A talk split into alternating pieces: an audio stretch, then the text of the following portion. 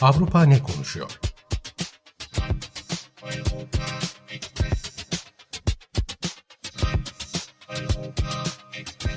Avrupa medyasından yorumlar.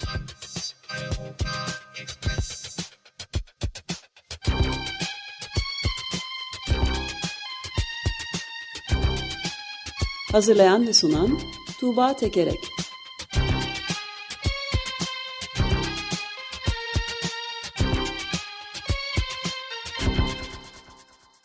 Günaydın Tuğba, merhabalar. Günaydın Ömer Bey. Günaydın. Günaydın Özdeş. Ne konuşuyor Avrupa? Ee, Avrupa Savaşı ve diğer olayları, Avrupa'daki diğer önemli olayları da savaş bağlamında konuşmaya devam ediyor. Ee, bugün Fransa ve Macaristan'da önümüzdeki haftalarda yapılacak olan seçimlerden bahsedeceğim. Ee, Ukrayna'daki olan bitenin bunlara etkisinden. Vaktimiz kalırsa Avrupa'daki silahlanmadan bahsedeceğim biraz. Ama önce e, bu e, İstanbul'da yapılan e, görüşmeler, Türkiye'nin ara bu ev sahipliği. Bu ev sahipliğine Avrupa'da nasıl bakılıyor? Avrupa medyası ne diyor? Bu konuda önce birkaç yorum aktarmak istiyorum. E, genel olarak şunu söyleyebiliriz. Avrupa medyasında bu İstanbul görüşmeleri nedeniyle Türkiye'nin ağırlığının artıyor olması teslim ediliyor. Bu bir vaka olarak söyleniyor. Ama bundan pek de hoşnut olmayan yorumlar var. Ee, örneğin Fransa'dan bir haber por portalı Kontrapuan e, portalında şöyle söyleniyor. E, Fransa e, Sarkozy ile beraber 2008'de Gürcistan krizinde arabulucu, arabuluculuk rolü oynamayı başarmıştı. Şimdi ise diplomasi meselelerinde Türkiye'deki gibi liberal olmayan bir rejimin Fransa'nın yerini alması Avrupa için trajik bir durum diyor Fransız yorumcu. E, Antalya'da ilk görüşmeleri olduğunda e, İtalya'dan e, Avenire gazetesinden bir yorum vardı. Şöyle deniyordu. Kremlin'deki otokratın askeri harekatıyla alt üst olan dünyamızda başka otokratlar kurtarıcı rolüne soyunuyor e, deniyordu. E, bir de Rusya'dan e, bir yorum aktarayım. E, Rusya'dan Radyo Komersant FM radyosunun web sitesinde yer alan bir yorum. E, şöyle deniyor Erdoğan için. Erdoğan'ın konumu muazzam şekilde güçlendi. Türkiye Avrupa, Avrupa ile Asya arasında uzanan coğrafi konumundan ciddi şekilde faydalanıyor. Batı ile bir sıkıntı yaşarsanız nerede buluşacaksınız? Ya da doğal gaz meselesi. Türkiye çok sayıda boru hattının kesiştiği bir geçiş ülkesi. Bununla ilgili olarak kimin önünde eğilmeniz gerekiyor? Erdoğan'ın eşi benzeri olmayan bir pozisyonu var Erdoğan'ın. Aynı anda hem müttefik hem rakip olabiliyor. İşbirliğine ve dostluğa her zaman hazır ama kendi koşulları kabul edilecekse tabii şeklinde bir yorum. Ee, Türkiye yani biz e, olan biteni Türkiye'den görüyoruz. E, Avrupa'dan da böyle görünüyor diye bunları aktarmak istedim öncelikle. Evet, şeyden bu jeopolitik tartışmalar eline boyuna gayet entelektüel bir şekilde yapılıyor tarihsel göndermelerle ama şeyden e, bu fosil yakıt bağımlılığından vazgeçmekle ancak kurtulabileceğinden pek bahseden yok anladığım kadarıyla. Yani, Avrupa'nın değil mi? Stratejik bir şeyin e, öneminden bahsediliyor, konumundan filan Türkiye'nin sağladığı jeostratejik diyelim avantajdan ama asıl bu dünya için tam anlamıyla bir ölüm fermanı olduğu artık bilimsel olarak son IPCC raporlarından net olarak tartışmasız olarak ortaya çıktığı gibi fosil yakıt bağımlılığına son verilmezse işin dünyanın e, yani insanlığın bildiğimiz kadarıyla medeniyetin sonuna geleceğimizden pek bahsedilmiyor galiba değil mi? Evet e, yani Türkiye'nin işte doğalgaz boru hatları söyleniyor. Dediğiniz gibi yani bu doğalgaz ne kadar süre geçecek e, hani bunlar çok ön planda e, değil e, söylediğiniz gibi. E, şey Macaristan'a geçelim. Macaristan'da da yine hem doğalgaz bağlantılı hem değil e, diyebileceğim bir durum var. E, Macaristan e, Rusya'ya e, doğalgaz konusunda, enerji konusunda en bağımlı olan ülkelerden bir tanesi Avrupa Birliği'ndeki. E, doğalgazının yüzde 85'i 90'ı Rusya'dan geliyor. Bunun yanı sıra bir nükleer santralini genişletmek konusunda da Rus e, şirketiyle e, anlaşma yapılmış e, durumda.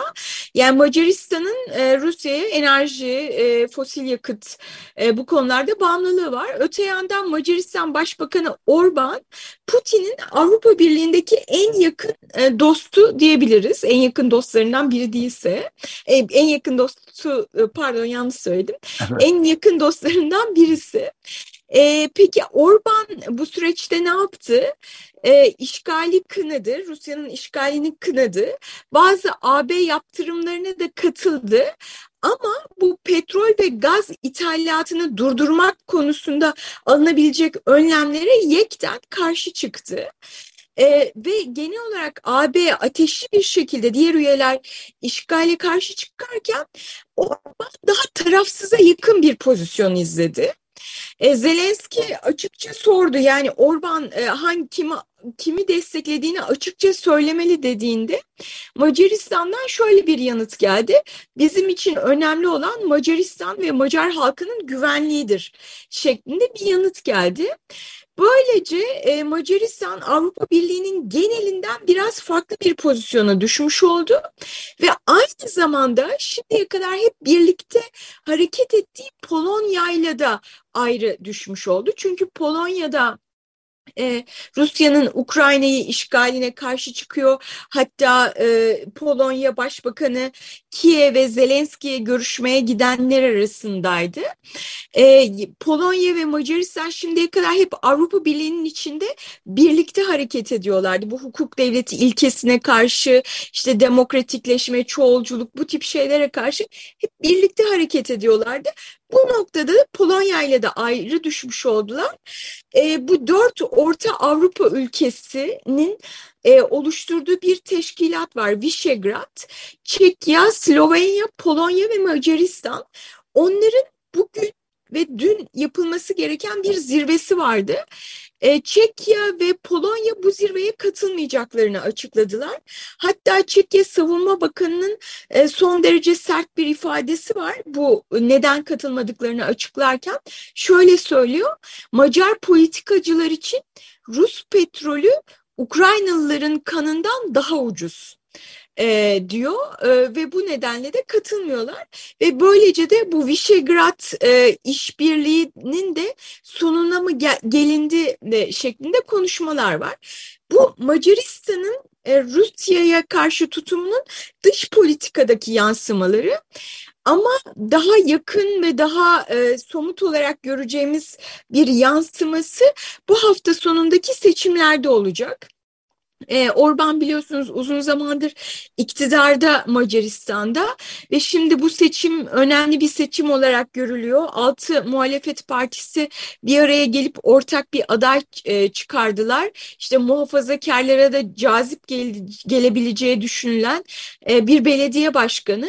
Şimdi bu seçimlerde ne olacak ve bu Orban'ın Putin'e karşı yaklaşımı bu seçimlerde oyları nasıl etkileyecek acaba ıı, diye düşünüyorum düşünülüyor. E, Orban muhalefete diyor ki, e, muhalefet için diyor ki, e, diyor ki e, bunlar ülkenin egemenliğini ve Hristiyan kültürünü yıkmak üzere bir araya geldiler. Bunların hedefleri bu diyor ve hani ülkeyi savaşa sürükleyeceklerini e, söylüyor. Kendi tarafsız pozisyonunu işte ülkenin güvenliği için bu lazım ve deneyimli politikacı olarak ben lazımım diyor. Hani biliyoruz böyle e, şey kriz çatışma dönemlerinde e, bazen halk işte bildiği politikacı ve güçlü politikacıya oy verme eğiliminde oluyor ve Orban da bunu oynuyor. E, yani mesela Orban'a yakın bir gazeteden bir yorum aktarayım. Macar Nemzet gazetesinden. E, şöyle diyor yorumcu, siyasete daha birkaç yıl önce giren bir küçük kasaba belediye başkanı şimdi gelmiş başbakan olmak istiyor diyor. Onun tecrübesizliğinden dem vuruyor. E, son duruma bakacak olursak e, Orban e, muhalefetin oylarını birkaç puan önünde bir sürpriz olabileceği de bekleniyor. Yani görünen o ki Orban kazanacak ama bir sürpriz olması da e, muhtemel. E, şeyi de söylemek lazım.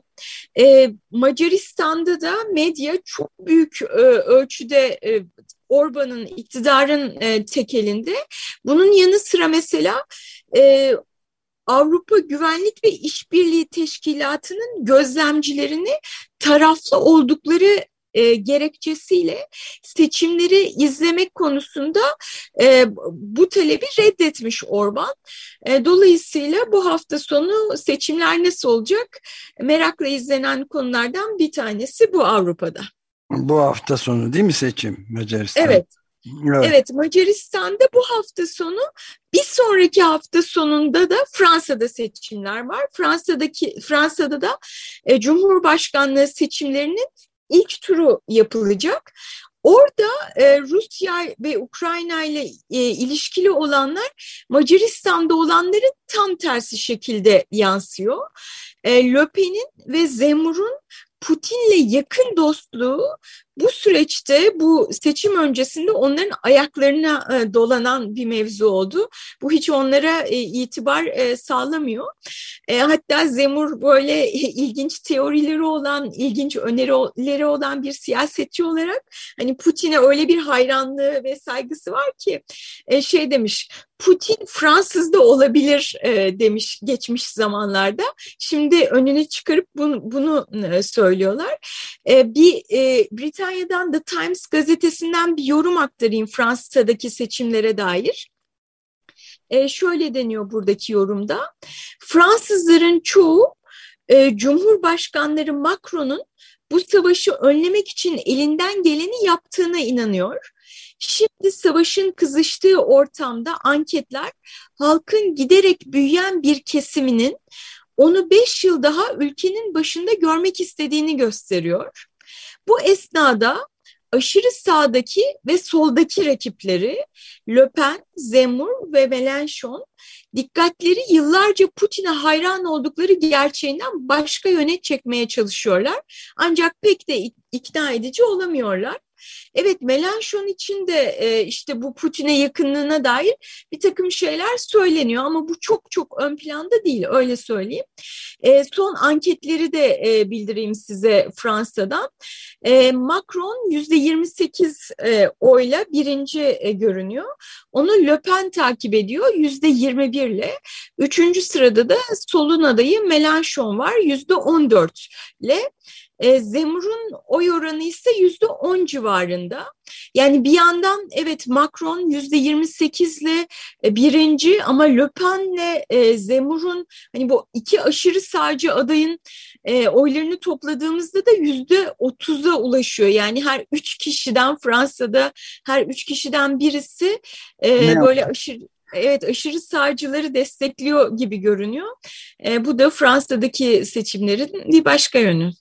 Peki ben de bir soru sorayım. Yani bu e, gerek e, işte bir şey grad toplantısında dağılma olması durumunda ana konu olarak Fransa seçimlerinde de şey konuşuluyor mu hiç? E, yani yeryüzünün gidişatı konusunda özellikle iklim meselesi. Yani şöyle bir yazıdan bahsetmek istiyorum. Bu Tom Englehart'ın çarpıcı bir yazısı e, web saytımızda da koyduk internet sitemizde de. Yeni baştan baştan başa. Biz bu filmi daha önce görmüştük diye e, hoş bir dille yazılmış bir e, yazısının sonu şöyle bitiyor. Dünyamızın şu haline bakılırsa hepimizin şu an sokaklara doluşmuş olması gerekirdi.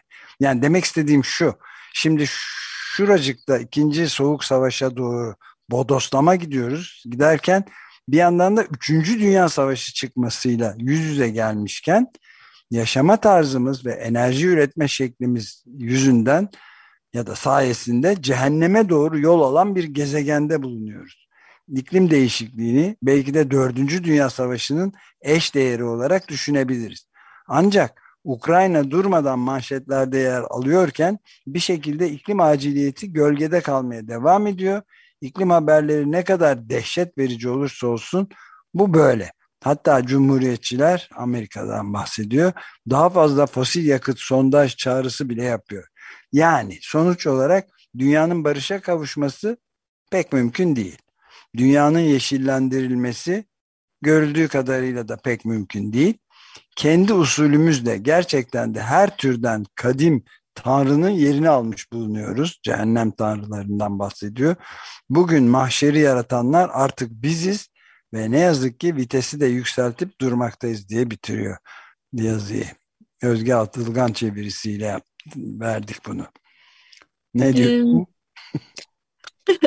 Maalesef e, iklim değişikliği de somut ve yakın bir tehlike ama savaş somut ve yakın bir tehlike olarak görülüyor.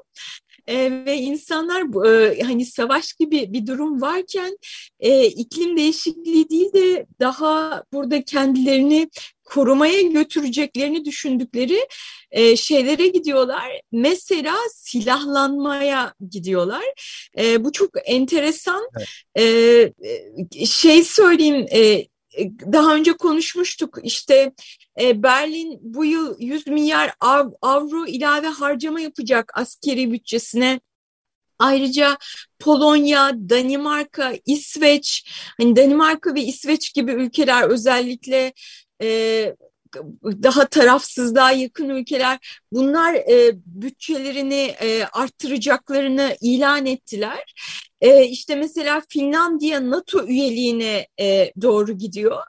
E, şey söyleyeyim e, mesela Finlandiya'da NATO üyeliğine doğru giderken bir yorumcu Allah'tan şey uyarısını yapmış.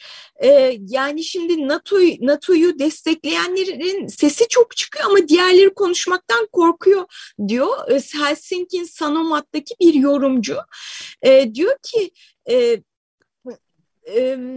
NATO tartışmasında yeni bir sorun ortaya çıktı. NATO'ya karşı olanlar sesini çıkarmaktan çekiniyor. Öte yandan NATO yanlıları tutumlarını yüksek sesle dile getiriyor. İşlerin işlerin kızıştığı bir atmosferde NATO şüphecileri çapucak Putinci diye damgalanabiliyor.